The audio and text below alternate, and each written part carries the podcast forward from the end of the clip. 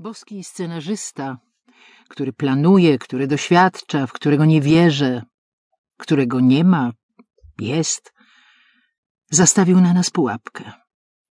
Będziemy walczyć, wbrew losowi, medycynie, statystykom. Chcemy ocaleć.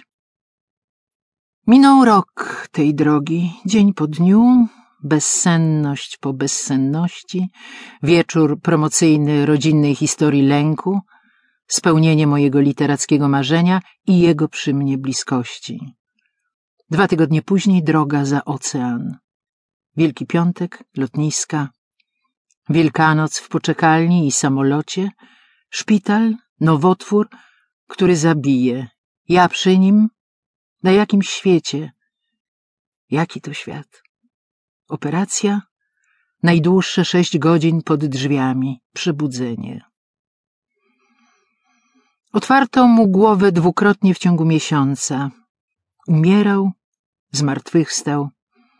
Pobraliśmy się także po dwakroć, po czternastu wspólnych latach, na inwalidzkim wózku i pod chupą, gdzie przyjęłam imię mojej zabitej kawałkiem szarapnela w końcu wojny babki. Płakaliśmy. Płakaliśmy nad sobą, nad losem. Płakano nad nami, płakano nad sobą. Los trwa. Spędzi kilka miesięcy na szpitalnym łóżku. Oboje obcy we wszechświecie choroby. On upokorzony zależnością, ja zdziwiona umiejętnością przystosowań. Jego powrót do dzieciństwa. Zmiana ról. Bunt wobec świata, poczucie krzywdy. Uprawianie nadziei wbrew wszystkiemu i wszystkim, bo rozstanie jest niemożliwe, bo cierpienie musi mieć sens, bo nie chcemy się poddać. Wola życia pilnuje daru życia. Jeszcze ciągle. Przeżyliśmy. Przeżyliśmy jego śmierć. Jego e-mail przyszedł rano 23 marca 2005 roku. Wielki tydzień, środa. Jestem w szpitalu. Podejrzewają guza mózgu. Nie przyjeżdżaj, będę informował. Pomyślałam, żart? Mógłby być tak okrutny? Możliwość, że to prawda, była zbyt absurdalna. H. wyleciał z Warszawy kilka dni wcześniej, w pełni sił. Trochę narzekał na zmęczenie i ból głowy. Wcześniej też narzekał. Za dużo pracuje.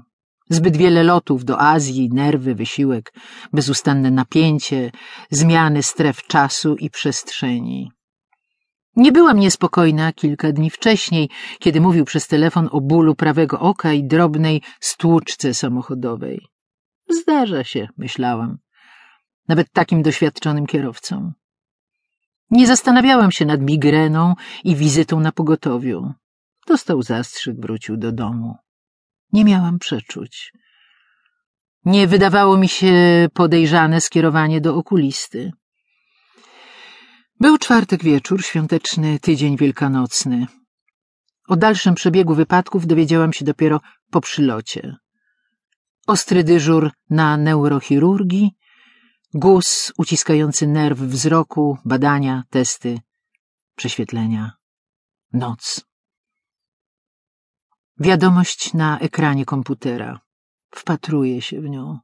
Nie znika. Szydzi ze mnie. Z nas. Zadzwoniłam do mamy, zadzwoniłam do ojca. Rozpłakałam się. Zadzwoniłam do Ewy, najbliższej. Nie mogłam mówić. Wypiłam duży kieliszek martela. Zarezerwowałam bilet na najbliższy lot do Toronto. W Wielką Sobotę przed Wielką Nocą. Przez Frankfurt.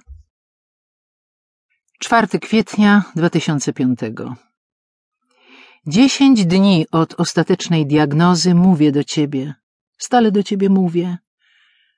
Ukochany, nie wymyślilibyśmy nigdy tej tortury. Stało się. Zrobię wszystko, żebyś był zdrów. Żebyś był sobą dawnym. Takiego cię mam. Pamiętam, kocham. Znajduję wszystkie słowa czułości. Przypominam je sobie. Deklinuję. Szepcę ci je, kiedy leżysz tu obok. Jeszcze obok.